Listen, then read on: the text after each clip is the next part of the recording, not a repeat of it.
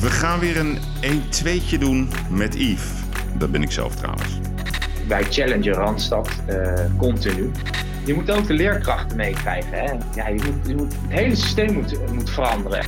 2021 en, en 2022 kan je best wel zeggen dat dat wordt de kluseconomie voor jongeren. Absoluut. Ja, ondernemen is gewoon prachtig, toch? Welkom bij een nieuwe aflevering van een 1 2 met Yves. En dit keer in de podcastserie Uitblinkers.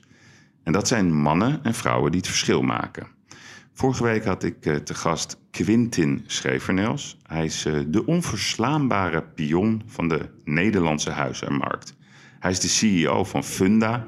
En hij heeft mij op een uh, zeer concrete, heldere manier bijgesproken over de Nederlandse huizenmarkt en de rol ook van Funda. Het was een uh, boeiend gesprek en ik zou zeggen, luister er nog eens rustig naar. Deze week is de uitblinker van de week Hugo de Koning. En hij is een van de drie oprichters van het buitengewoon succesvolle Nederlandse uitzendbureau, maar daar, daar doe ik ze mee tekort, techbedrijf Young Capital. Op het gebied van human capital zijn zij de speler in Nederland die mensen plaatst bij werkelijk waar alle soorten ondernemingen. Ooit begonnen waarschijnlijk op een studeerkamer, ik ga het hem vragen, of op een zolderkamer, is het bedrijf uitgegroeid tot een van de grootste spelers van Nederland, maar ook in de wereld. Young Capital is goed voor een omzet van ongeveer een half miljard en heeft prachtige cijfers. Ik ben benieuwd naar het effect van corona. Ik ben benieuwd naar hun visie op de Nederlandse banenmarkt. Waar staan we eigenlijk vandaag de dag? Hun, hun visie eigenlijk op het uh, opleidingssysteem. Doen we het wel goed? En wat gaat ons de toekomst brengen? Dat ga ik hem nu allemaal vragen, dus ik ga bellen met Hugo de Koning. Hugo de Koning. Ja, Hugo met Yves Geiraat. Goedemorgen. Hoi Yves. Hi jongen. Alles goed? Jazeker. Ja, oké. Nou, dat is mooi. Heb je er zin in, in de podcast uh, met de uitblinker nou, van de week, hè? stond op vanmorgen, toen dacht ik... Dat is toch mooi, hè? Het leven met Yves straks. Een lekker podcastje. ja. ja. het is allemaal waar. Het is allemaal waar. Ja, nee, we gaan beginnen, joh. Weet je wat nou, ik... leuk. Ja, waar ik eigenlijk gelijk mee wil beginnen is... Um, dat jullie zijn volgens mij, als ik het goed begreep, uh, gestart toen met studentenwerk. Uh, dat mm -hmm. was begin 2000. Was, klopt dat? Mm -hmm. Klopt. Hoe ging dat? Wie heeft die naam bedacht? Zijn we nu al begonnen? Ja, we zijn begonnen, ja. Oh, sorry. Ja. Oh, joh. Ja, ja, dat is ook wel leuk. is wel leuk ook. Okay, Hoort erbij. Hè? Je weet wat een podcast is, toch? Ja, ja, dat weet ik wel. Ja, zeker. Oké. Nou, wie heeft dat uh, verzonnen? Dat was eigenlijk... Uh, een, een, wat je ziet is uh, in, de, in, in, de tijden eigenlijk toen er nog geen Google was...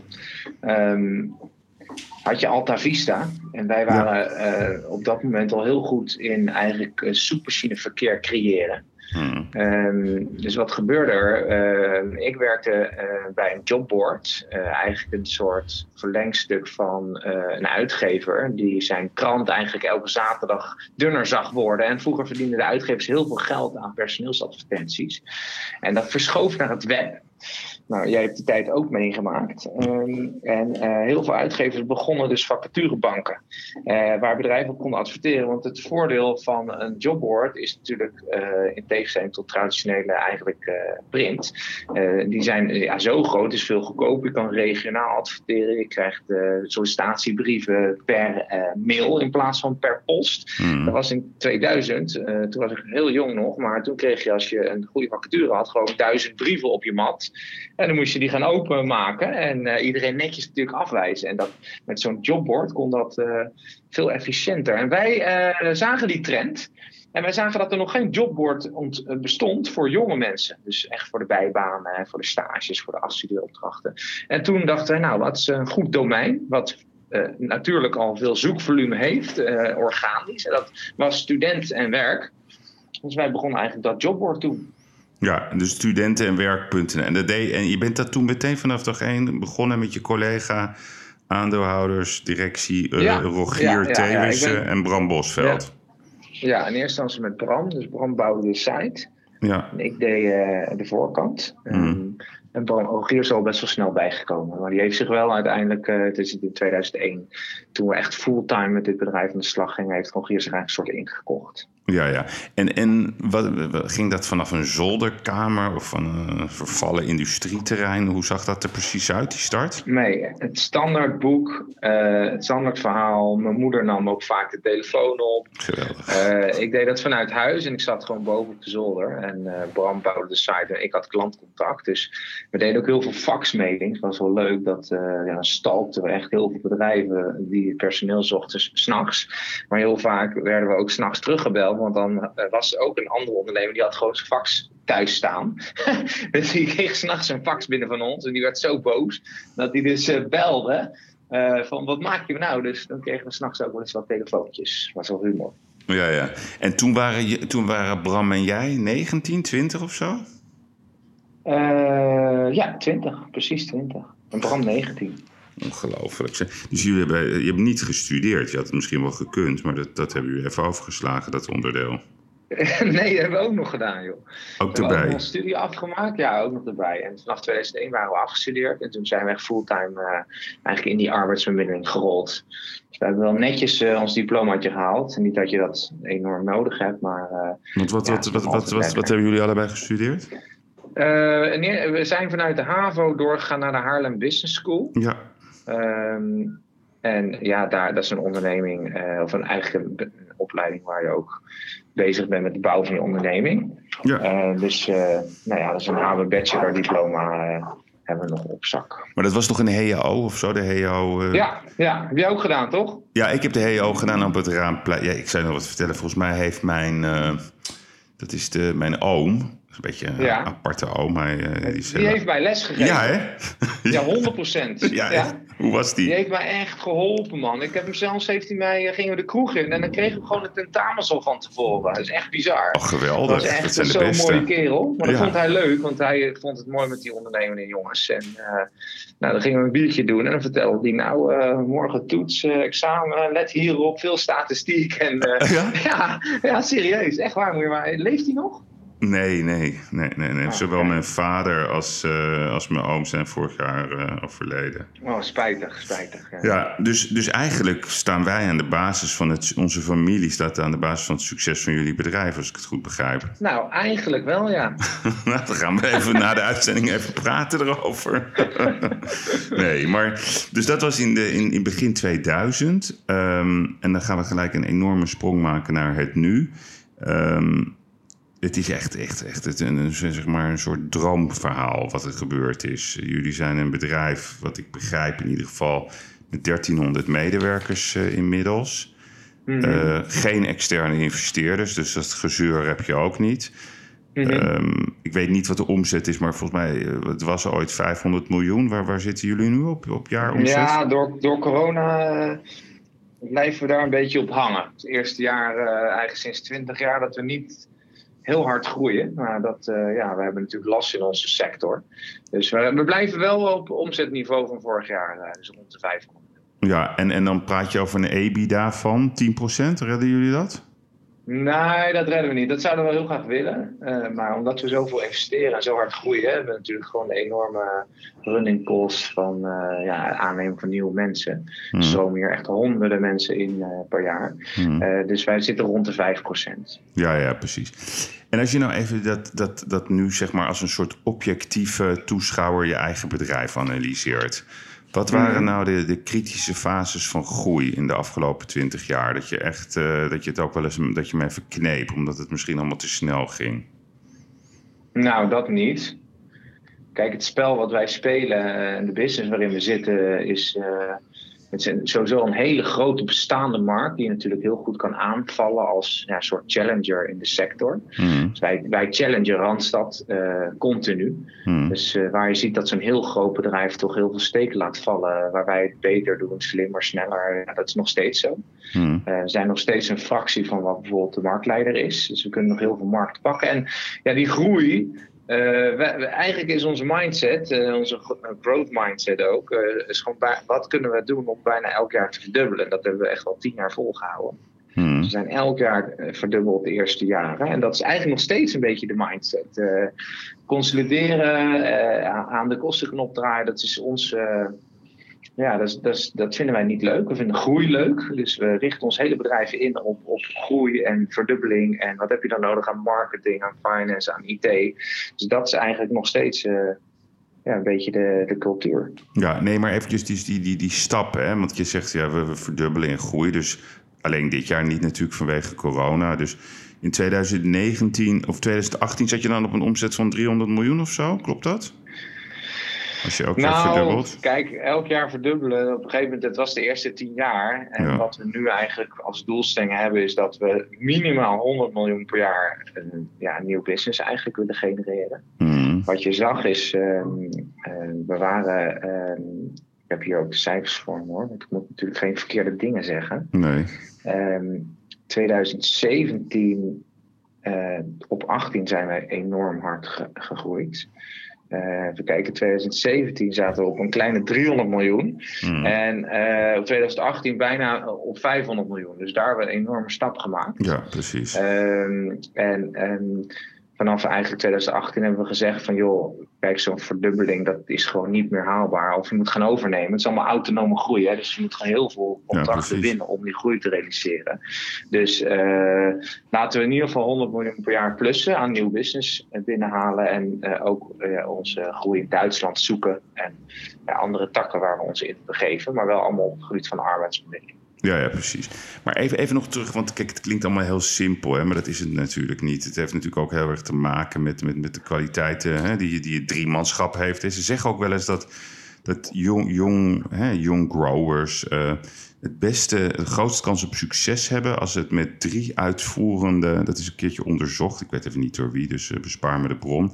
Maar um, als, als het bedrijf wordt geleid door drie uh, mannen of vrouwen eh, met verschillende kwaliteiten. Dus Bram is volgens mij de technicus. Jij bent volgens mij het, het, het uithangbord en de commerciële denker. En wat is Rogier in dit verhaal? Rogier is de creatieveling. Oh, die is de creatieve. Maar ja, en ook wel technisch hoor. Dus Rogier zit ook heel veel in uh, op marketing en uh, online marketing, performance marketing. En Bram is erg, er heel erg goed met cijfers. Ja. Dus we, ja, vanaf dag één waren we enorm complementair aan elkaar. We hebben ook nooit getwijfeld of iets in twijfel getrokken. Als Bram iets vond, dan ja, zijn wij het daar gewoon mee eens. Nog steeds. En dat werkt natuurlijk wel heel lekker. Ja, maar als je dan even terugkijkt. Hè, dus die, dus die, kijk, vaak is de eerste 10 miljoen omzet, dat is, dat is, ja, dat klinkt, het is niet zo dat dat kinderspel is, maar het is relatief makkelijker. En dan, kom, dan komen mm. de mhm. grote stappen. Wat waren zeg maar in die, in die periode vanaf 2000 tot het nu, wat waren in jouw perceptie dan de, de kritische fases van, van de groei van het bedrijf? Of is het allemaal gewoon een ABC'tje geweest? Nou ja, we hebben niet een enorm kritische fase gehad. Je hebt op een gegeven moment hebben wij het management uit handen gegeven. Want wij kwamen er gewoon achter dat wij geen geboren managers uh, zijn. Eh, dus we hebben dat heel lang geprobeerd. Uh, tot uh, we eigenlijk hebben gezegd: joh, we gaan een directie aantrekken. die eigenlijk ja, de leidinggevende activiteiten die wij nu voeren overnemen. En Ineke is ook aangetrokken, onze CEO. Ja, Ineke Kooistra. Ja, ja, ja, zes jaar geleden. En vanaf dat moment hebben we ook nog veel meer rust gekregen om eigenlijk aan ons bedrijf te werken in plaats van in ons bedrijf. En dat was wel ja, een kritisch beslismoment. Je moet maar iemand vinden die één voor ons wil werken, dat volhoudt. Eh, de operatie eh, echt meekrijgt, de draagvlak creëert. Want ja, mensen werken toch vaak liever voor een, een, ja, een eigenaar dan voor een manager. Maar Ineke heeft dat heel goed gedaan. En ja, het is niet een kritische fase geweest, maar wel een heel belangrijke beslissing voor ons. Ja, ja dat, was, dat was 2013 ongeveer, hè? Dat zij, dat zij aan boord kwam. Uh, nee, iets later. Ik denk, zij zitten nu zeven jaar. Dus uh, ja, dat is wel volgens mij 14, eind 14. Oh, Oké, eind 14. Hey, ja. En, en ik weet dat jij, jij zei ooit eens een keer in 2016 of 17 riep jij, ja, wij willen de grootste speler worden in de wereld, hè, als, als uh, online uh, recruiter. Is dat, mm -hmm. Was dat niet een beetje een overdreven uitspraak of hoe moet ik dat zien? Nou, we hebben nog steeds die ambitie, uh, Yves. Ja.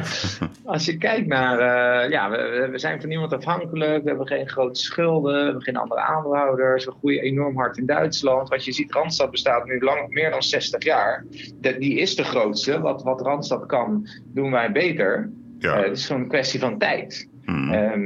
en uh, ja, wij zijn uh, allemaal, Bram is 39, ik ben 40. Dus we willen ook nog wel sowieso 20, 25 jaar echt knallen. Ja. Misschien wel langer. Mm. dus ja, we hebben wel een, eh, een, mooie toekomst voor ons. Ja, nee, want als je kijkt, ik, ik weet nog in, in, in, zeg maar voor 2000 had je bijvoorbeeld, uh, je vertelde net over de advertenties, dus intermediair, dat was een hele grote partij. Hè? Dus daar, daar, werd, mm. daar ging je, als je personeel zocht, ging je in de intermediair adverteren of, op, op, op, of in de kranten. Dat was hoe het vroeger ging. En je had ook nog Young Executive Recruitment. Ik weet niet of je dat ook nog mm. kent. En je had natuurlijk het traditionele. Ja, ja. ja en, en de Randstad. En als je kijkt naar het nu, hè, vandaag, wie, zijn dan wereldwijd de grote spelers? Want ik zat zo zelf een beetje te kijken naar die markt. En kwam ik, ik kwam LinkedIn tegen, ik kwam uh, Indeed kwam ik tegen, Monster. Zijn dat de grote partijen in de wereld? Nou ja, je hebt eigenlijk, wij doen drie takken van sport. Hè. We hebben dus de, dat zijn wat je noemt, dat zijn eigenlijk classified. Het zijn jobboards. Ja. Dat is onze oorsprong. Ja. Dat doen we ook nog. Uh, maar dat, dat uh, dus Indeed is de aller, allergrootste. Die is ook pas sinds 7, 8 jaar opgekomen. Ja. Um, LinkedIn, ja, dat wordt meer een sociaal netwerk. Die, die, uh, die door de overname van Microsoft zie je dat Indeed eigenlijk die positie van recruiting heeft overgenomen. Hmm. maar wij zitten ook met name, 9% van onze business temping business. Dus eigenlijk het aanbieden van flexibele arbeidskrachten. En dat, dat is gewoon mem, of dat eerst uh, Randstad, dan Adecco, dan Manpower. Ja, in uh, Nederland is dat, hè?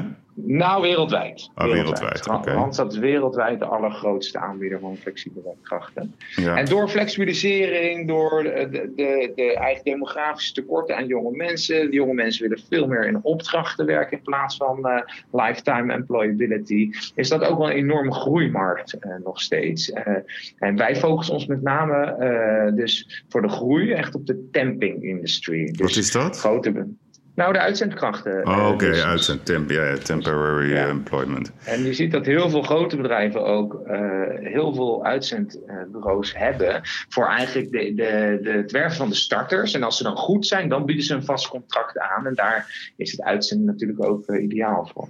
Ja, ja, precies. Maar als je, als je naar jullie verdienmodel, hè, want je, kijk, je hebt zeg maar het, het gewoon, het, het, het, gewoon het uitzendwerk hè, en dan, daar zit er gewoon een marge in. Hè, zo, zo, zo zie ik dat voor me. Staan die mensen dan bij jullie op de mhm. payroll of zo, uh, studenten? Ja, ja, ja. ja. Dus dat, Is, dat is je marge onderdeel. Hoeveel procent is dat van jullie omzet? Zeg maar het uitbesteden van, van, van jongeren?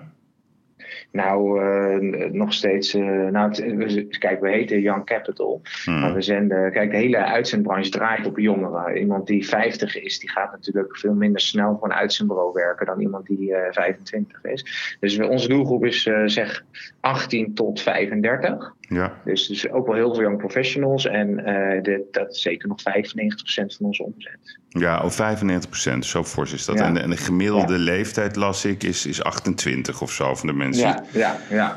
En, en als je dat um, zeg maar um, diversificeert in, in branches, waar, waar, waar is zeg maar de meeste vraag naar bij jongeren op dit moment? Of nee, laat ik het anders zeggen. Voor corona wil ik het graag weten en nu mm -hmm. en vandaag. Nou ja, we hebben natuurlijk heel veel um, branches. Mm. Kijk, de, de, de uitzendbranche wordt met name gedreven door cyclische bedrijven. Dus de KLM's van deze wereld, eh, de HelloFreshes, de, de Picnics, de PostNL. Dus dan heb je... Thuisbezorgd. Uh, ja, thuisbezorgd, heel veel bezorging. Uh, wij doen bijvoorbeeld ook eh, heel veel developers. Dus wij leiden een, een, een, batterij aan programmeurs op. Die trekken we uit schoolbanken, vierde jaar van de studie. Hmm. Die geven een soort bootcamp, uh, met name op soft skills, dus persoonlijk leiderschap. En die mensen die ja, maken we uh, zo goed dat ze eigenlijk direct als uh, senior kunnen instromen bij een techbedrijf. Hmm. Daar is natuurlijk heel veel vraag naar. Dus dat is ook een hele grote groep. Dus we hebben eigenlijk verschillende smaken. We hebben, we zijn, wij zitten groot in overheid, heel veel in callcenter, dus customer support. Ja. Dus nu ook de GGD werken echt honderden mensen die en contactonderzoek doen. Ja, ja. Dan zijn we uh, nog groot in de retail. Nou, dat ligt nu natuurlijk helemaal stil. We hadden ook een grote aandeel in de luchtvaart. Nou, dat ligt ook stil. Hmm. Uh, dus dat was voor corona, ja, cyclische bedrijven hebben pieken in de zomer en aan het eind van het jaar. En daarna schalen ze weer af. En dat is nu natuurlijk veel minder, maar bijvoorbeeld GGD klantenservice is, is, is ja, die hebben een onbeperkte instromenbehoefte, omdat ja, straks ook heel veel mensen kunnen worden getest nu al zonder klachten. En die moeten eerst bellen naar een nummer en wij bemannen weer uh, de mensen achter de lijn. Ja, ja, ja, nee, maar goed, dat is, dat is natuurlijk. Eh, ja, ik weet niet of dat een businessmodel is. Dat is natuurlijk een vrij ongrijpbaar gebeuren. Dat er nu zoveel behoefte is aan mensen um, die getest moeten worden. Dat is, dat is natuurlijk ook wel heel verdrietig als je erover nadenkt. Hè, dat dat een businessmodel is geworden. Maar goed, dat is nou helemaal zo. Maar voor corona. Wat, wat, wat was dan zeg maar jullie top drie aan, aan, aan branches wat je, wat je wegzette aan mensen? Nou, sowieso altijd customer service. Ja. Uh, dus klantcontact. Hmm. Uh, bijvoorbeeld ook de Apples en de Booking.com en de Coolblues hebben allemaal klantenservice medewerkers. Ja. Dan um, ook wel distributie, logistiek, dus echt wel bezorging. PostNL, DHL, DPD. Ja. En uh, ook wel tech plus techniek. Ook een hele grote groep mensen die daarin werken. Ja, nou dat lijkt mij nu zeg maar uh, nog steeds booming, dat hele tech-onderdeel. Dat wordt misschien alleen maar meer hè, als je ziet die hele digitalisering van de samenleving. Absoluut. En, en hoe, hoe kijk jij nu zeg maar naar het gevoel van jongeren? Want kijk, de jongeren, we, we, lezen, we zien het op tv, we horen er allerlei verhalen over. Hè. De jongeren krijgen de schuld dat ze, dat ze verantwoordelijk zijn voor het besmettingspercentage uh, van, van, van ja, ja. noem het maar op. Hebben jullie ook een soort gevoelsmonitor onder de jongeren? Dus hoe, ga, hoe gaat, hoe gaat het met de jongeren? Ja. Eigenlijk nou, nou, doen we heel veel onderzoek naar. We hebben natuurlijk ook panels. Uh, ja, de jongeren die, zijn gewoon de dupe van deze crisis. Uh, en, ja, wij onder, andere, te, onder andere. Onder andere, absoluut. Maar en los van de crisis, uh, wij, wij zijn ook jong geweest. Uh, kijk even naar het emotionele aspect. geen feest, geen sociale contacten, heel veel stress. Mensen zitten op een. heel veel mensen, zijn bijbanen zijn bijvoorbeeld weggevallen. Ja. Dus het wordt steeds moeilijker om um, aan, aan, het werk te komen. aan een, een, stage om te afstuderen. Met de opleiding is het lastig. Om bijvoorbeeld verdediging van je scriptie. Wij hebben ook een verdubbeling van het aantal sollicitaties per vacature. Dus de kans dat je een baan krijgt is ook veel uh, kleiner. Er is heel veel concurrentie. Hmm. Uh, en de eerste vijf jaar voor jongeren zijn echt cruciaal voor een uh, loopbaan. dus dat ja, is wel een aandachtspunt, ja. Maar dus, en, als je dat een cijfer mag geven, de gevoelstemperatuur van de jongeren vandaag, mentaal? Ja, dat durf ik niet te zeggen, maar dat hebben we ook niet uitgevraagd. Maar ja, je ziet dat uh, in je omgeving, in je directe omgeving zie je natuurlijk al uh, nichtjes, neefjes. Uh, ik heb een neefje die studeert gewoon op, een, op een zolderkamer. Die heeft daar online webinar. Die is net begonnen aan zijn HBO-opleiding. Ja, moet je je voorstellen. Zit je gewoon in je eentje op je kamer de hele dag colleges te volgen. Ja. ja, dat is natuurlijk drama. Nee, dat is drama. Maar kan je zeggen dat de, de gevoelstemperatuur van jongeren die ligt op het niveau 5, zoiets? Dus dat ze toch wel een beetje tegen een depressie aanhangen? dat, dat, durf ik niet te nee, zeggen. durf je niet het zou te zeggen. een hele riskante uitspraak zijn. Hè? Ja, nee, dat, maar, dat, dat, uh, begrijp ja, we hebben die gevoelstemperatuur hebben we niet gemeten. Dus ik wil natuurlijk geen dingen zeggen. Nee, nee nou ja, misschien moet je dat eens doen. Want het lijkt me toch interessante informatie. Uh, ja, het is een... Uh, wat jij zelf ook al zei. Als ze ja, nu ook... Heel veel jongeren die gaan natuurlijk toch dan naar feestjes. En er komen heel... Het is het 20% van de besmettingen komt uit de jongerengroep, 25%. Ja. Ja, dat, uh, dat is even geen plezierige tijd. Nee, want hoe kijk jij zelf naar het, naar het overheidsbeleid? Ik had vorige week uh, had ik in de podcast um, uh, Quintin Schevenes, die is de baas van, van Funda. Nou, die kunnen volgens mm. mij als geen ander monitoren wat er op dit moment op de woningmarkt gebeurt. Uh, dan denk ik, hè, uh, ja, overheid, ga ook met zo'n man om tafel zitten. Want die heeft werkelijk waar toegang tot alle data die, die de bewegingen zeg maar, in Nederland uh, monitoren. Nou, ik vroeg mm -hmm. aan hem, worden jullie, zijn jullie ook uitgenodigd als gesprekspartner? Lijkt mij een hele interessante uh, informatiepartner voor, voor, voor goed woningbeleid. Dat, mm. dat, die vraag heb ik ook aan jou. Uh, jullie zijn toch in Nederland uh, leidend. Jullie horen in ieder geval bij de leidende partij op het gebied van, van recruitment. Dus jullie hebben heel goed uh, zicht op, op dagbaar. Feitelijk zijn jullie gewoon een techbedrijf. Dus jullie, ja. dus jullie volgen. Maar wij, wij praten heel veel met de overheid. Oké, okay, jullie wel. Ook, ja, ja. Absoluut. Secretaris, secretaresse van of de PA van Rutte, die is een, heeft een directe lijn met Ineke Kooistra. Okay. Onze CEO. Ja. Mona Keizer spreekt.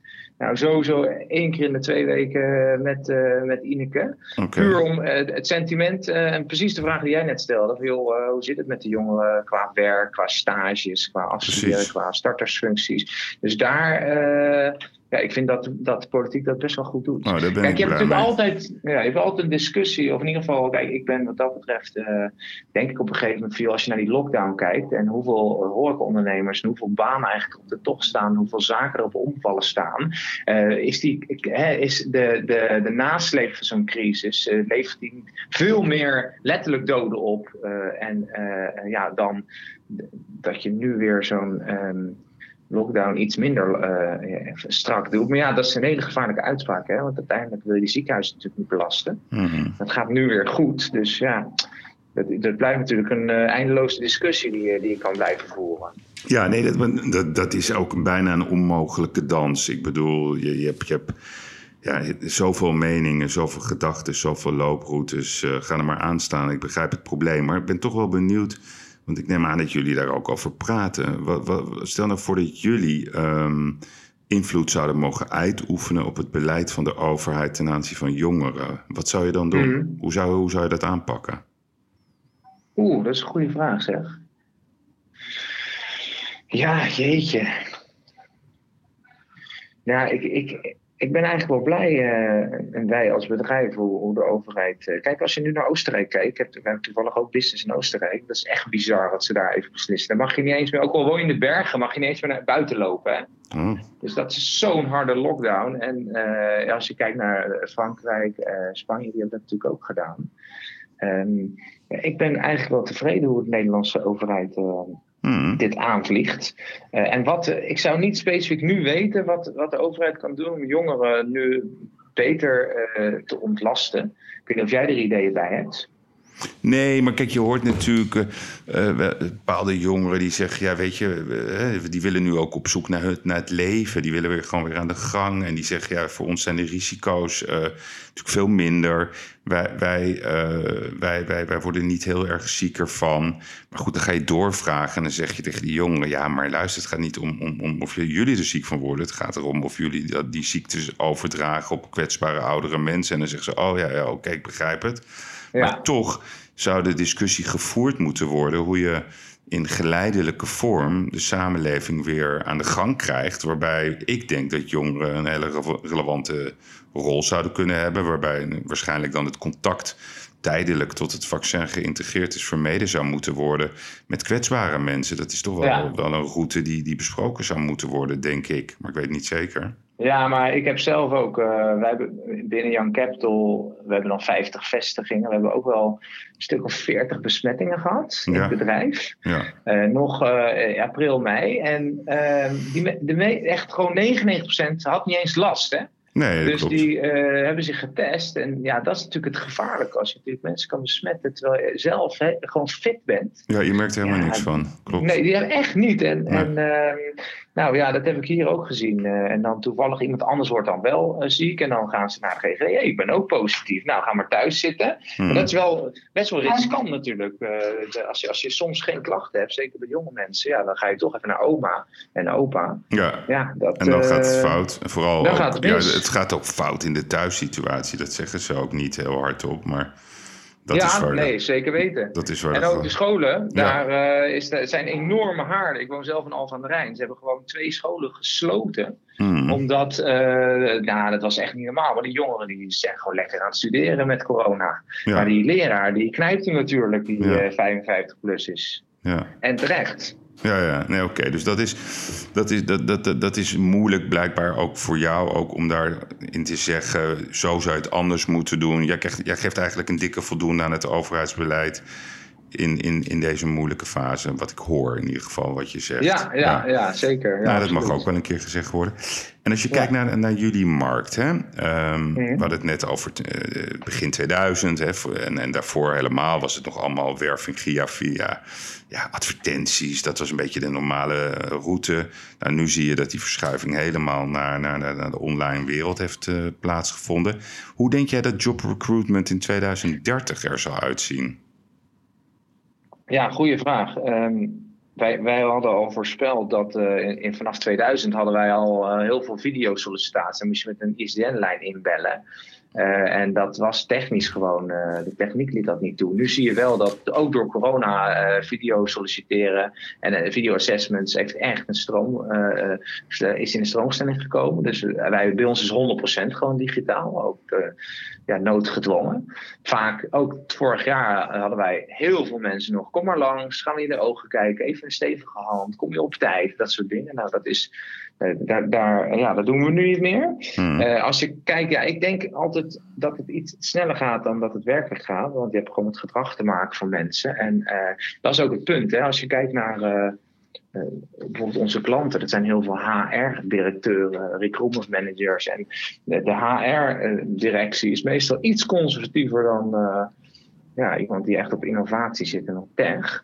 En die vinden het wel lekker hoe het dan gaat. Kijk, natuurlijk gaat veel meer straks uh, hoe je gaat screenen en mensen gaat beoordelen of die passen bij je bedrijfscultuur, wordt gewoon een soort algoritme. Dus voordat jij straks bij een bedrijf gaat werken, ga jij een soort testbatterij. En word jij aan alle kanten eh, met swipen, met bijvoorbeeld ook met een soort uh, Tinder-achtige manier, gaan we vragen beantwoorden en dan gaan zij een profiel voor jou maken. Hmm. Uh, maar uiteindelijk uh, het gesprek uh, op kantoor, de onboarding, je collega's, netwerk opbouwen, ja, dat, dat, dat gaat niet veranderen, want dat is al eeuwen loopt dat zo.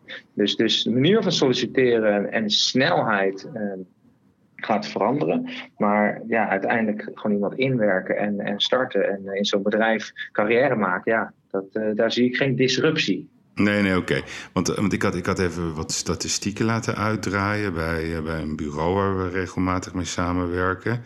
En daar stond dat uh, de recruitment door corporates. Ongeveer een derde ging via video recruitment, e-assessments en onboarding tools.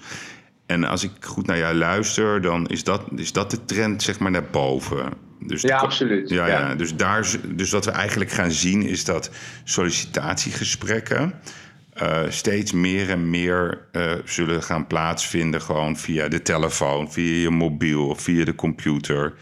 Dat is denk je de, de grootste troefkaart. Nou, dat zie je nu al. Hè. Dat is nu gewoon 100%. Dus wij werken ook voor ja, ja. KPN, Shell, Google, uh, Rabobank, ING. Dus alles is nu 100% virtueel. Screening, assessment en ook je gaat vanaf dag 1 thuiswerken. Ja. Dat is ook wel bizar. Ben je net klaar met je studie, uh, werk je gewoon thuis. Ook boven vaak bij je ouders of op een uh, zolderkamer of op een studentenkamer. En dan zit je daar te werken. En je gaat niet naar kantoor. Dat, dat uh, vooral ook de financiële, uh, grote financiële banken, uh, instellingen, die ja, hebben ook beleid volgens mij tot volgend jaar zomer thuiswerken. Dus alle mensen, er stromen honderden mensen in. En die werken gewoon allemaal vanuit huis. Dus ze kunnen geen netwerk opbouwen. Het is best wel ongezellig. Ze kunnen niet lekker lunchen. Ja. dat is wel even een andere tijd. Ja. Maar de trends in, uh, op mijn vakgebied uh, zitten ook met name in het gedrag van... Kijk, de platformeconomie die opkomt. Jongeren willen niet meer twintig jaar bij een Shell werken. Die willen opdrachten doen. Ja. Um, en veel vrijer zijn, veel onafhankelijker. Uh, en dat, dat zie je natuurlijk gebeuren. Dus ik ja, ik verwacht gewoon ook dat die trend qua uh, flexibilisering en, en veel meer freelancers, dat die gewoon doorzet op macro-schaal. Ja, ja, precies. Want hè, om even dat te vertalen, wie het, wie het niet meer kan volgen. Hè, dus, dat, dus eigenlijk is in dat opzicht die nauwregeling ook een beetje gemeen. Omdat mensen met vaste banen, die, die, die hebben helemaal geen problemen tijdens corona. Want hè, de overheid doet met name aan, aan subsidie op, op vaste banenniveau en, en flexwerkers. Mm ja, die hebben eigenlijk een probleem. Dat is uh, zelfs, ik weet niet, jij, jij golft toch ook? Nee, nee, nee, ik golf niet. Oh nee, Bram. Bram. Ja. ja. Bram wel. Die kan trouwens best wel een aardig balletje slaan. Ja. Hij is niet meer lid. We gaan geen, geen, geen roddels verspreiden. Maar ik weet, hij was toch lid bij. Ken je dat verhaal of niet bij de International? Dat hij lid was. Dat, uh, dat hij tegen, tegen het hek aan was gereden. Ja, dat hij zijn auto en dat hij toen ruzie kreeg. En toen is hij zeg maar, uh, op een oneerbare manier zijn lidmaatschap opgegeven. dat was, ja, ja, ja, dat was een beetje emotioneel. Nou ja, goed. Maar wat, wat bijvoorbeeld ook daar hebben ze dan flexwerkers. En als, als er dan zo'n coronacrisis is, hè, die mensen die hebben geen vangnet. Ik vind dat eigenlijk heel oneerlijk. Dat, dat de vaste banencultuur, dat is heel erg goed beschermd voor de werknemers met name. Maar mhm. mensen die zeg maar op freelance basis zichzelf verhuren op allerlei manieren, wat op zich ook best wel aantrekkelijk is voor een opdrachtgever. Ja, die zijn de Ja. lul. Die zijn de lul in deze crisis.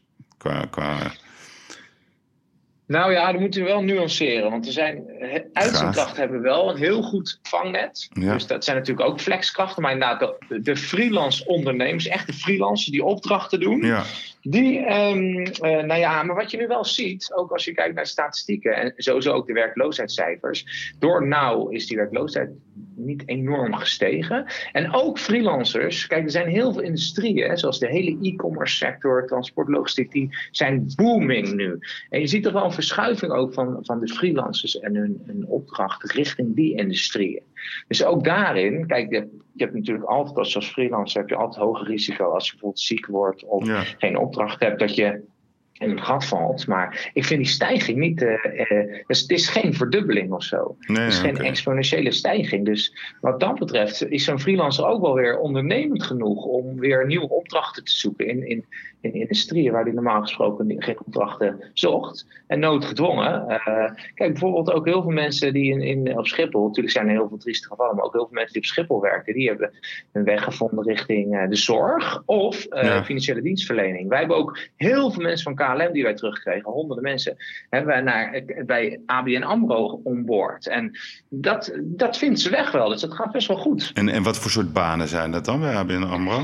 Nou, we hadden honderden grondstewardessen. Ehm, ja, dat, dat werk viel weg. En bij ABN AMRO hebben ze ja, grote projecten op customer service draaien. En ABN AMRO heeft een beetje dezelfde cultuur als eh, KLM. Hmm. Zo'n mooi, goed, super eh, bedrijf. Wel een beetje corporate natuurlijk, maar eh, ja, echt goed geregeld allemaal.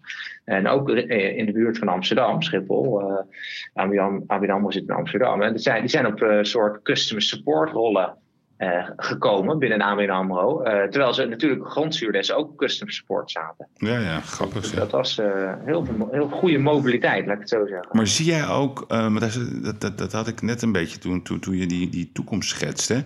Denk jij dat ook de toekomst is dat jongeren zeg maar meerdere jobs hebben? Dus dat ze, Absoluut. dat, dat ze drie dagen werken ze bij, bij, bij, bij een multinational, één dag werken ze in de zorg, twee dagen doen ze tech. Is dat een, een toekomst die jij ziet? Ja? 100 procent, ja. 100 Eh, procent ook. ster- sterker nog, als je echt naar de jeugd kijkt, eh, de echte jonge mensen, dan zie je al een enorme trend. Is dat als de, echt letterlijk, want kijk, de, als je jong bent, 20, 18, dan zijn, is je brein nog niet volwassen. Hè? Hmm. Dus dat klopt ook, dat je moet uitleggen. Oh ja, dan is het gevaarlijk corona voor je open oma. Oh ja, want mensen, de- die jonge mensen, dat brein, eh, dat, is, eh, dat kan misschien twee weken vooruit denken, even eh, simplistisch eh, gezegd. Ja, ja, En zeker. als, eh, wat de trend is ook dat als je straks jong bent en je wordt wakker, dat je een soort schuif op je telefoon aanzet. En dan kijkt in je bed nog van, nou, wat ga ik vandaag eens doen?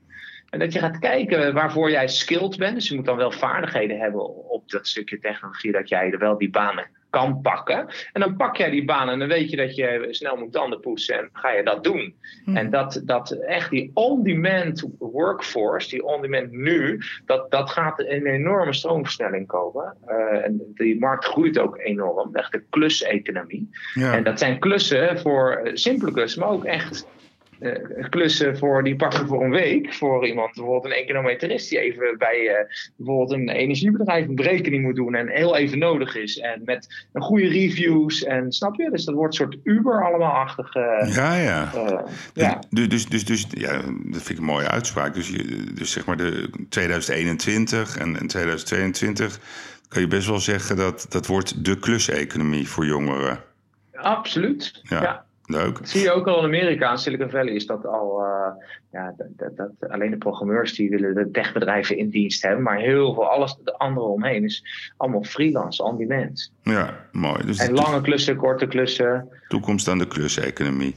Hey, Ja. En, en als, je, als je een advies zou geven aan jongeren, want die zitten daar vaak mee. Hè? Die hebben dan eh, of de HAVO, eh, Atheneum, Gymnasium, MAVO, whatever. En die zitten dan altijd te denken, ja, waar, wat moet ik gaan doen? Hè? Dat, dat, is, ja, dat is een klassieker voor jongeren. Wat zou jij Ja. adviseren? Waar, waar, waar, where have they put their money and their efforts on? Waar moeten Ja, ze ja. in gaan investeren? Voor zichzelf dan? Waar liggen de meeste kansen? Ehm, kijk, je ziet ook het hele onderwijssysteem veranderen. Alles gaat naar veel korter en veel sneller. De wereld wordt natuurlijk ook sneller en korter. En kijk, er, er is zoveel online te vinden, zoveel uh, bootcamps ook te doen, dat je eigenlijk de school loopt gewoon altijd achter. Wij, hebben ook, wij, wij zijn ook een school begonnen, uh, Young Capital University. En die leidt ook mensen in. En, ja, met, met schaarste beroepen, dus tech en techniek op, om uh, sneller in te stromen tijdens studie al hmm. binnen het bedrijfsleven, omdat er zoveel vraag is naar tech en uh, technisch talent. mijn ehm, advies zou zijn. Ehm, je, je, moet wel zo snel mogelijk. Kijk, een opleiding volgen van vier jaar in de, in de wetenschap. dat is natuurlijk altijd goed. maar de diploma, dat, dat gaat gewoon verdwijnen. Straks gaat het er ook om dat je, uh, wat kan je en met name ook hoe snel kan je iets aanleren. Dus, dus het is aanleren, uh, adjustable zijn en de growth mindset. Dus niet in problemen denken, maar ehm, ja, in, in kansen denken. Dat wordt straks essentieel voor jongeren. Dus als je jong bent en je kan daar al aan werken. En je gaat heel veel uitproberen. In plaats van, uh, dus vroeger maakte je businessplannen, maar nu begin je met je bedrijf. Ja. Uh, dat, dat gaat centraal staan. Dus, uh, en ook wie je kent, dat is leuk, maar vroeger was je netwerk heel belangrijk. Nou, dat is nog steeds belangrijk, maar het is veel belangrijker van wat heb jij al gedaan? Hmm. En wat voor bijbanen heb je gehad? Welke bedrijfjes heb je opgezet? Welke klussen heb je al gedaan? Welke opdrachten? Dus met name een oproep aan jonge mensen: ga zoveel mogelijk ondernemen en leer zoveel mogelijk uh, dingen. Uh, die je kan toepassen in je vervolgcarrière. Ja, gewoon, gewoon die ervaring. Dus gewoon die, die banen. Want dat vind ik wel een mooi, mooi bruggetje. Want kijk, jij hebt een keer gezegd, ik weet niet wanneer je dat zei. Um, dat je het hele onderwijssysteem binnen tien jaar moet dat drastisch veranderen of dat gaat drastisch veranderen. Wat bedoel je daarmee? Wat zou je graag willen zien? Uh, Misschien wat, wat, zou je graag willen zien in het onderwijssysteem wat verandert? Nou, het is heel simpel. Wij zijn dus die school begonnen omdat wij, ik zie al twintig jaar wat bedrijven nodig hebben wat een bedrijf nodig heeft. Of bedrijf. We hebben 4000 klanten. Dus ik zie gewoon in de data wat, een, een, wat grote bedrijven en ook kleine, ook de MKB, wat ze nodig hebben. En ik zie ook wat de scholen afleveren. Hmm. En er zit een mismatch, dat is ongekend. Dat is echt bizar. En ook slimmer zo'n onderwijssysteem inricht. Bijvoorbeeld, heel veel mensen gaan, studeren bijvoorbeeld vrije tijdskunde. Nou, sorry, er is vraag naar eh, zeg een index van 10 en, en 300 uh, eh, procent te veel mensen studeren daarop af. Dus dat sluit gewoon totaal niet aan. Dus als bedrijfsleven nou, zou dat nou heel goed in kaart brengen, sowieso als overheid en als onderwijs. Wat, en we gaan daarvoor opleiden. Wat, eh, wat een Stanford doet, een MIT in Amerika, ja, dan, dan ga je economische groei en, en impact reduceren. En, en dat moet en gaat sowieso veranderen de komende ja, dat is wel lange termijn hoor, tien jaar. Ja, ja, precies. Dus wat je eigenlijk zegt, er is een ongelofelijke discrepantie tussen hoe jongeren worden opgeleid en wat het bedrijfsleven en misschien ook de overheid eigenlijk wil hebben. Dus, dus ja, wat ze nodig hebben. Wat ze, ja. precies, wat ze nodig hebben. Maar hoe, hoe, hoe kunnen we dat dan veranderen als samenleving? Want dat is vrij essentieel wat je zegt, want dat is de basis nou, van eh, onze economie. ja, alle MBO, HBO, WO's moeten gewoon precies gaan opleiden wat, wat, uh, wat het bedrijfsleven nodig heeft. Dus er moet overkoepelend moet er data worden verzameld van wat is de komende vijf jaar de behoefte, waar gaat het naartoe? Nou, veel meer digitalisering, veel meer techniek. En sommige opleidingen die heel populair zijn, ja, die moeten we eigenlijk gewoon schrappen uit het curriculum. Want je kan wel mensen blijven opleiden voor uh, ja, bepaalde beroepen. Maar je weet gewoon dat het beroep gewoon over vijf jaar niet meer bestaat. Zoals? En nou, uh, geef eens een voorbeeld. Ook, ook als je kijkt naar toerisme. Uh, Hmm. Ja, het is een enorme populaire studie, maar ja, dat zie je nu al. De Booking.com die heeft die hele markt gedisrupt. Ja. Uh, tegenwoordig uh, ga je echt niet meer naar een reisbureau. Ja, heel weinig mensen om nog even de route uit te stippen. Dat doe je allemaal zelf. Maar er worden echt nog duizenden mensen opgeleid om in het toerisme aan de slag te gaan. Uh, ja, dat, dat zijn gewoon mismatches, die vind ik zonde. Ja, en dat is ook zonde. Maar ja, je had het net over dat jullie CEO, uh, Ineke Kooistra, die heeft uh, contact met de secretaris van Rutte. En, en Mona Keizer, die, die, die is actief. Maar dan denk ik, het ministerie van Onderwijs, hè, uh, hoe, hoe actief is die dan met jullie CEO? Om te begrijpen, zeg maar, waar de behoefte ligt bij de jongeren. Maar ook vertellen waar de vragen liggen. Gebeurt dat ook? Zijn er ook ja, gesprekken ja? Dat, absoluut. Al, al heel lang. Ja. En het, het, gaat gewoon heel langzaam. Ja, het gaat gewoon ja, heel jammer, langzaam. hè? En je moet ook de leerkrachten meekrijgen. Hè? Met alle respect eh, voor de oudere leerkrachten. Maar Ja, ja, je moet, je moet, het hele systeem moet, moet veranderen. En ehm, ja, ja, maar het is wel leuk. Maurice de Hond, eh, volgens mij voor jou ook een bekende. ja. Die, die, die loopt volgens mij altijd al 15 jaar voorop. Nou, hij was natuurlijk al eh 10 jaar ja hij, geleden is, hij is heel met, vaak eh, onbegrepen. ja. Nu weer, hè? Nu Ja, ja, is heel over 10 jaar jammer. Maar dat ligt ook een beetje aan hemzelf hoor. Hij, hij wil zo dwangmatig soms zijn mening op, opdruwen, terwijl hij gewoon wat rustiger moet doen.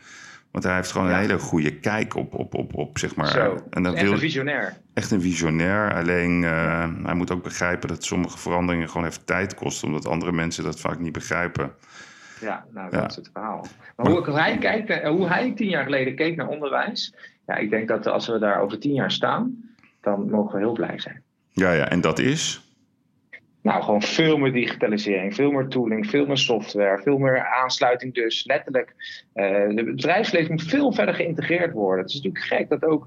Ik zat dan op een school waar ik les heb gekregen van jouw oom dan. Ja, daar kwamen af en toe dan eh, CEO's praten. ja, Maar eh, ja, CEO's moeten een veel grotere rol spelen in, Ja. in, in, eh, op zo'n onderwijsinstelling. Om cases, echte cases, geen nep-cases. Eh, alleen dat al, dat veranderen. Ja. Eh, ja, dat, als je dat voor elkaar krijgt, dan gaat het snel. Ja, nee, maar het is een leuk voorbeeld wat je geeft. Want ik denk dat het ook onze taak is om, om ook die ervaring over te dragen. Bijvoorbeeld mijn broer, ja, die is professor, dokter, weet ik veel wat allemaal, hoeveel titels hij heeft. En ik deed dan de HAO, dus ik had heel vaak met hem de discussie.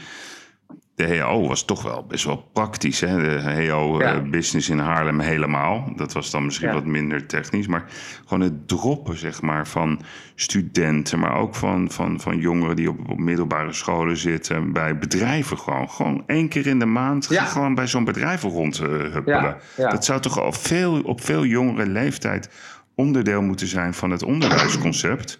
Dat Ja, je gewoon zeker. real life meemaakt. Dat je begrijpt ook wat een bedrijf is. Of een, ook bij de overheid. Gewoon dat je gewoon van binnenuit de deuren moet openen. Misschien is dat het. Nou, vooral de overheid, ja. Want Ja. Dat is, eh, ja, dat, ja. dat, eh, die moet het goede voorbeeld geven en dan volgt de rest. nou, we, we- we noteren hem. Als ja. we kijken naar de toekomst van Young Capital, hè, ik kan me voorstellen dat jullie een hele aantrekkelijke prooi zijn voor private equity companies, eh, Amerikaanse techbedrijven. Hoe vaak gebeurt dat per jaar dat jullie benaderd worden of jullie te koop staan?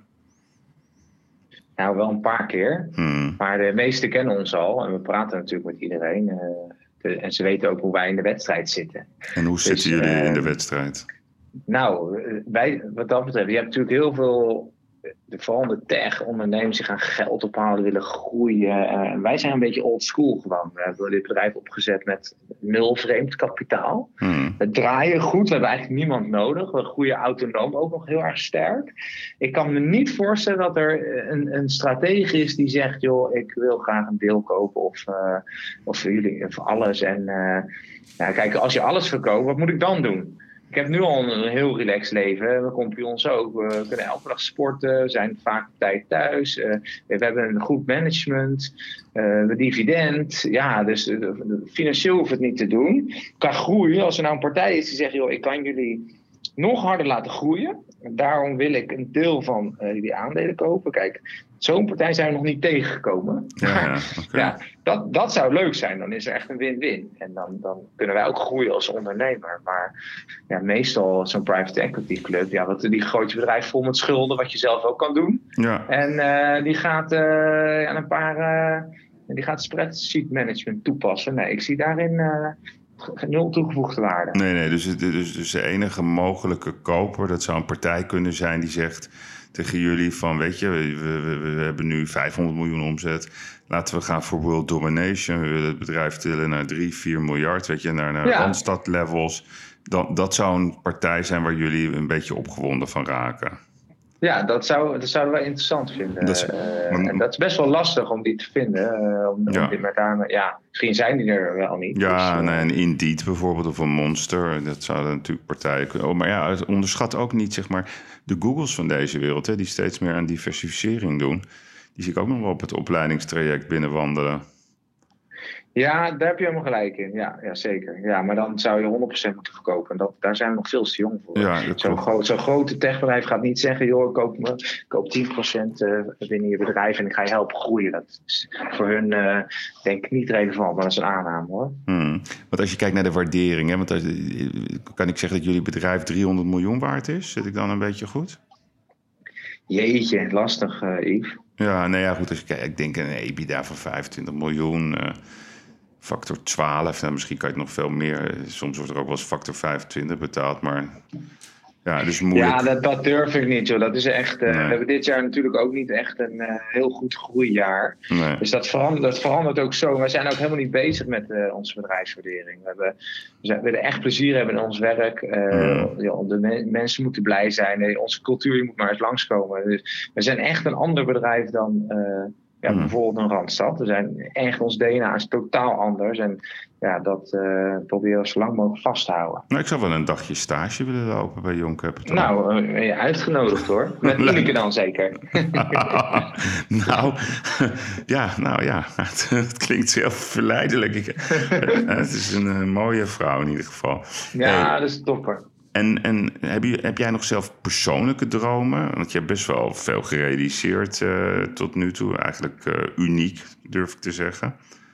Wat zijn jouw persoonlijke dromen?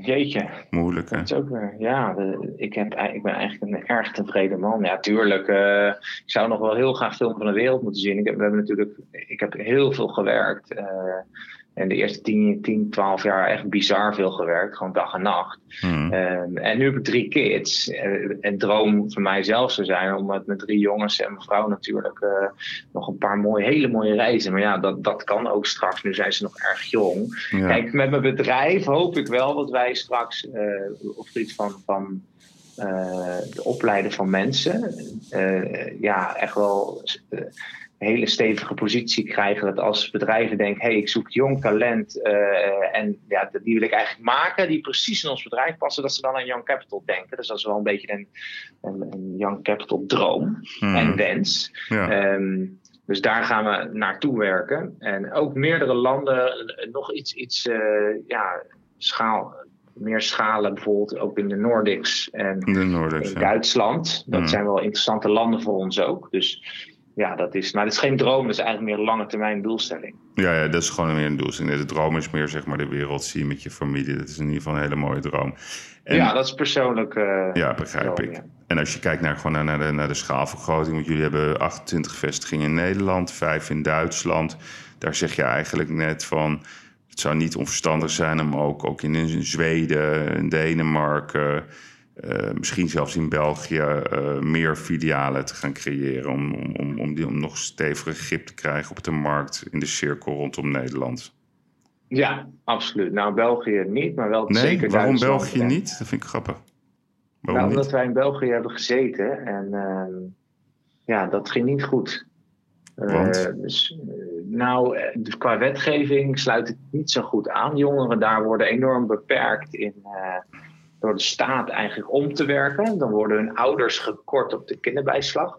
Nou, dat is zo'n groot gegeven dat eh, als jongeren maar x aantal uur kunnen werken en hun ouders krijgen geen kinderbijslag, dan moet je nagaan wat die ouders tegen die kinderen zeggen. Die zeggen echt niet van hé, hey, eh, gaan we eens even bijverdienen. Ja, ja. Eh, En dat is wel een enorme beperking. Dat gaat wel veranderen. Het gaat meer richting. ja, de Europese Unie heeft er afspraken over gemaakt. Maar dat, dat is al voor ons een factor waarom we daar niet succesvol waren. We hadden veel meer jongeren nodig voor bepaalde vacatures dan eh, bijvoorbeeld in Nederland. In Nederland kan een student gewoon. eh, en eh, iemand die start ook, die gaat gewoon makkelijk natuurlijk 40 uur werken. En studenten ook 20 uur. Nou, dat is daar ondenkbaar. Ja, leuk. Duidelijk, duidelijk. Ja, een degressief model. Ja, begrijp ik. Dat Ja. werkt ook niet.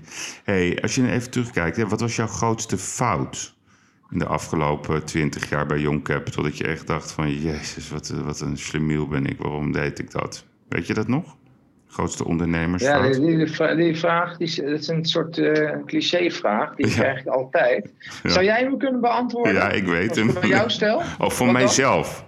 Ja? Nee, ik, weet, ik weet hem namelijk wel van jou, daarom was het een beetje gemeen. ja, een beetje gemene vraag. Van mezelf, mijn grootste fout. Ja, is hetzelfde altijd.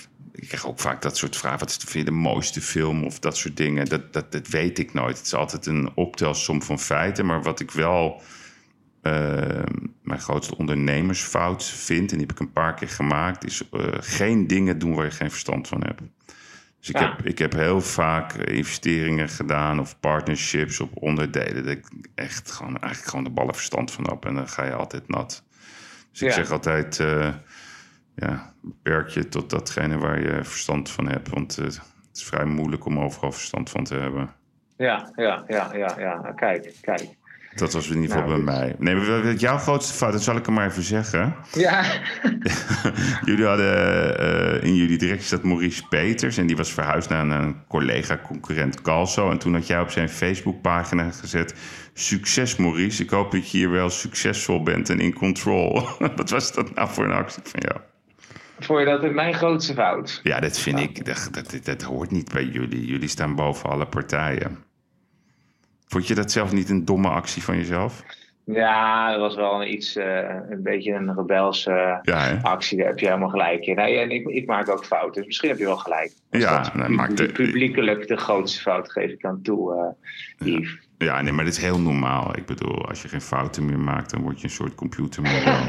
ja, ja. Zo is het. Nee, maar dat is in ieder geval goed dat je het ook herkent. Ja, leuk. Nou, ik um, vind echt, men, serieus, echt uh, ongelooflijk knap wat jullie hebben gepresteerd. En uh, ja, keep going strong, zou ik zeggen. Is er nog ergens ja, dankjewel. Waar, is er nog iets waar je op wil terugkomen? Ben ik iets vergeten? Ja, ik heb natuurlijk nog honderden andere vragen, maar de tijd is beperkt. Nee hoor, nee, nee. Uh, wanneer, uh, hoe, even heel kort, misschien weten de luisteraars dat al. Maar hoe, hoe zit het met jouw business dan? Komt er nog een beurs en uh, hoe ziet het eruit? Nee, kijk, in onze business, hè, dus als je kijkt, er wordt heel vaak gesproken over getroffen sectoren. Hmm. En dan zie je heel vaak de horeca. Maar ik denk als je kijkt naar welke sectoren het hardste geraakt zijn, is dat is de leisuremarkt. Dus alles wat met hmm. leisure te maken heeft. Dus dat is natuurlijk ook toerisme, dat is ook luchtvaart. Ja. Maar dat is zeker de complete uh, congressen, festival en beursindustrie. Wij mogen echt helemaal niks. Ik bedoel, nee. daar kunnen we boos over doen. Dat de IKEA open mag en dat de pretparken open mogen. Nou, wij mogen dus niet. We willen wel, maar we mogen niet. Dus wat wij hebben gedaan... Uh, ik heb het gewoon geaccepteerd. En wij hebben als bedrijf best wel een aantal essentiële veranderingen doorgevoerd. We hebben onze naam veranderd van Masters of Luxury naar Masters Expo omdat we ook iets, iets breder willen. We willen meer naar de inhoud. We willen niet gezien worden als een feestje. We willen echt gezien worden als een inhoudelijk platform. En ook als een inhoudelijke beurs. En in dat opzicht denk ik hetzelfde als jullie. We willen gewoon de beste van de wereld zijn. Dus, dus onze toekomst ziet er rooskleurig uit uh, de komende jaren. We hebben ongelooflijk veel stappen gemaakt tijdens corona. En we hebben ook wat nodige digitale slagen gemaakt. Dus ja, ik, gelukkig kunnen we het leiden. We zijn een sterk bedrijf. Uh, en het is ja, een leerjaar, laat ik dat maar noemen. Maar jij hebt wel nu data al voor een nieuwe expo dan? Ja, dus wat wij gaan doen uh, volgend jaar uh, verlengen we de, de, de, beurs met een dag. dus zes dagen, 60.000 vierkante meter.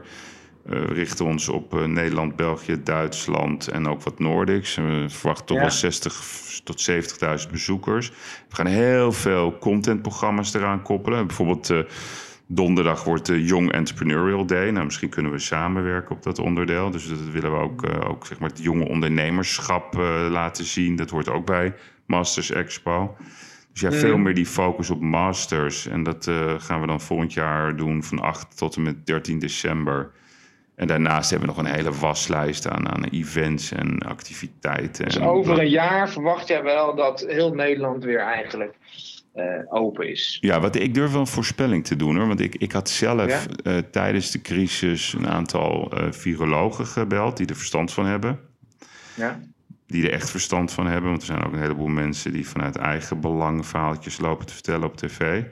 En die ja. zeiden al tegen mij in een vrij vroeg stadium van joh, ga er maar vanuit dat pas in april 2021 Dat er dan weer enige normalisatie is. Want dan zal er toch wel een vaccin uh, zijn, omdat de hele wereld zich erop concentreert.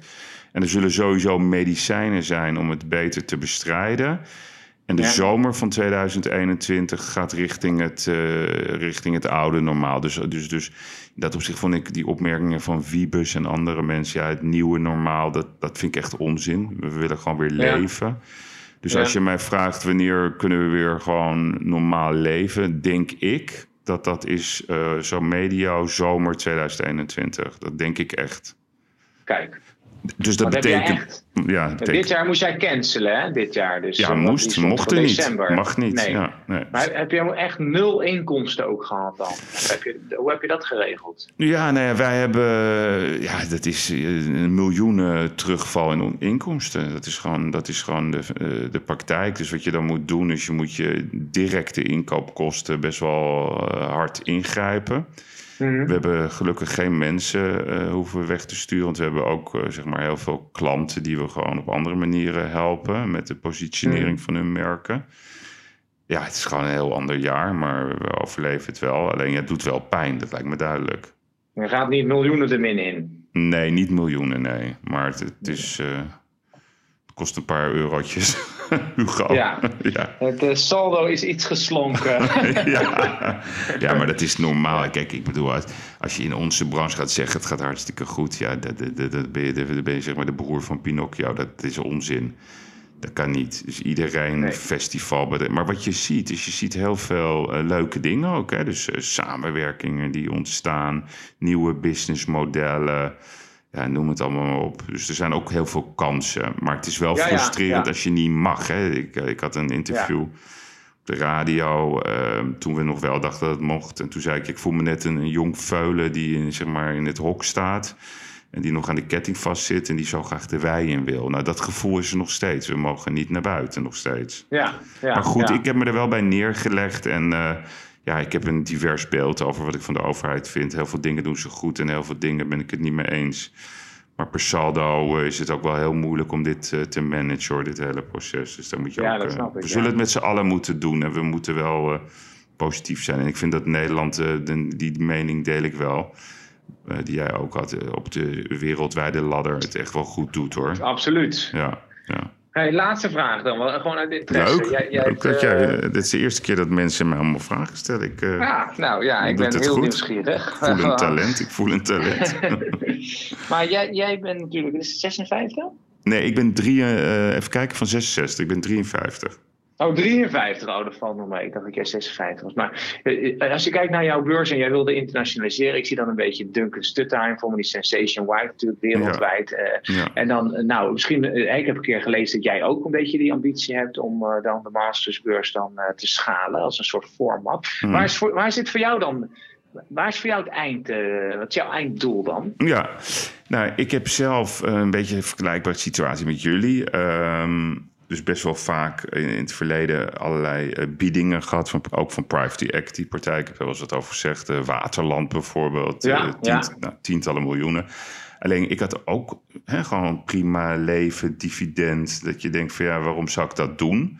Nou, ja. Dus we hebben ook de crisis gezien in 2008, 2009. Nou, die was heel hard. Die was, die was, die, en, die, en die ging ook niet weg. Hè. Die bleef maar terugkomen. Dat was een bounce, bounce back depressie.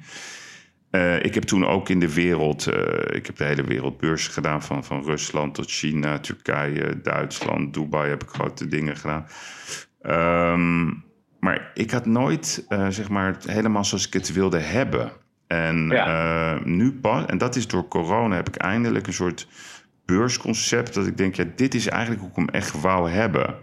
Dus ook waar zeg maar een Young Capital op zou kunnen staan en waar een KLM zegt van we kiezen voor de contentpresentatie en waar een BMW zegt doe niet alleen het premium model, maar we gaan ook voor de innovatiegedachte. Ja, ja. Dus ik zie die opschaling met name uh, in Nederland. Hè. Wij kunnen makkelijk uh, zeg maar het beurs, de beurs naar, naar 100.000 vierkante meter brengen. En dat mm eigenlijk heel Europa naar ons toe komt. Dus daar zie ik de kans uh, met name. En daaromheen willen wij een, een, digitale ring bouwen. Dus dat is eigenlijk hoe ik het zie. En ja, wij worden ook benaderd natuurlijk door allerlei partijen. Maar ik, ik heb... En jij wilde het over tien jaar nog steeds doen? Nou, tien jaar is, is op mijn leeftijd wel... ja, nee, nee, maar goede vraag Ja? hoor. Goede vraag. Eh, op mijn leeftijd is dat best eh, moeilijk eh, om daar... Ja, ik weet het niet. Ik, ik, ik- wat ik eigenlijk wil is dat het gewoon eh, het mooiste eh, concept is in, op mijn vakgebied. En of ik dat zelf blijf doen of iemand anders, dat maakt mij gek genoeg niet zoveel uit. Dus ik vind, ik heb heel veel plezier met connecting. Dus door, door, door mensen en, en bedrijven met elkaar in contact te brengen en dat ze daardoor successen krijgen. En dat is wat, wat, wat wij eigenlijk doen. Hè. Wij connecten op allerlei manieren. En daardoor kunnen mensen mooie zaken met elkaar doen. En dat, dat geeft Ja. wel voldoening. Ja, Nou, en- het kan zijn dus dat eh, als jij dit- dit format doorgaat, slaat aan dat jij wel binnen nu en tien jaar eens kijkt naar eventueel een, een strategische partner of eh, Ja, of een totale Ja, exit, ja. dat kan ook. Ik bedoel, dat is eh, heel erg afhankelijk van, van ik sta net zo in de wedstrijd zoals jullie. Het ligt heel erg, eh, je krijgt al, natuurlijk allerlei van die gelukzoekers en noem het allemaal op. En, en, en een private equity, daar heb ik er sowieso helemaal geen zin in, want dat werkt helemaal niet. Het zijn spreadsheet model eh, concepten, daar, dat, daar hou ik niet van. Maar het is eh, het leukste, kijk, ondernemen is gewoon het mooiste vak ter wereld. Ik bedoel, ik neem aan dat jij het daarmee eens bent. Dat is een, Ja, ja, zeker. Het is gewoon een, dat is gewoon een plezier. En het gaat om het plezier, het gaat om de reis. En, en je wilt ook dat het een, een, een- concept is waar, waar andere mensen maximaal profijt uit halen. Dat is hoe ik erin sta in ieder geval. Want ja, ja. de hele dag golfen en eh, ja, Als je dat de hele dag kan, is het niet meer leuk. Hè? Dat is nee, bizar. dat is, dat is helemaal niet hard- leuk. lekker hard werken, Dat dan snappen vaak jongeren Ja. niet. Dat, het nee, maar het is echt zo. Het is soms wel lekker om even een jaartje wat, wat, wat anders te doen of zo. Maar ja, ondernemen is gewoon prachtig, toch? Ja. Ja, het is prachtig. Ja, absoluut. Elke dag een beetje beter. Nou, leuk eh, Yves. Eh, Bedankt voor het interview. Ja, je, nou, je wederzijds. En leuk, en ik moet je zeggen, complimenten voor je inbraak. Nou. zo, zo- zo leert de luisteraar ook weer wat van mijn kant. Heel goed. Oké dan. En ik, en, ik, eh, Hey. en ik kom eh, erop terug hoor, op die stage, Ja, dat je het weet. Nou, je bent welkom. Oké, dankjewel. Goeiedag. Goed bye bye. Hoi. Ja, dit was eh, weer eh, de uitblinker van deze week. Hugo de Koning. Een van de oprichters van Young Capital. Ik vond het een eh, heel leuk gesprek en een eh, verrassend einde. En ja, daar moet ik dan natuurlijk ook gewoon antwoord op geven. Dus eh, complimenten voor Hugo voor deze originele inbraak. Komende vrijdag dan ben ik er weer met een nieuwe aflevering van The Gigs. Dat is de wekelijkse podcastshow waarbij ik altijd ga bellen met mijn vaste compaan Erik de Vlieger. Dus vrijdag ben ik er weer. Dan nemen we de week door. En volgende week ben ik er weer met een hele mooie, interessante nieuwe uitblinker. Ik zou zeggen een hele goede en positieve week. En ik dank u voor het luisteren.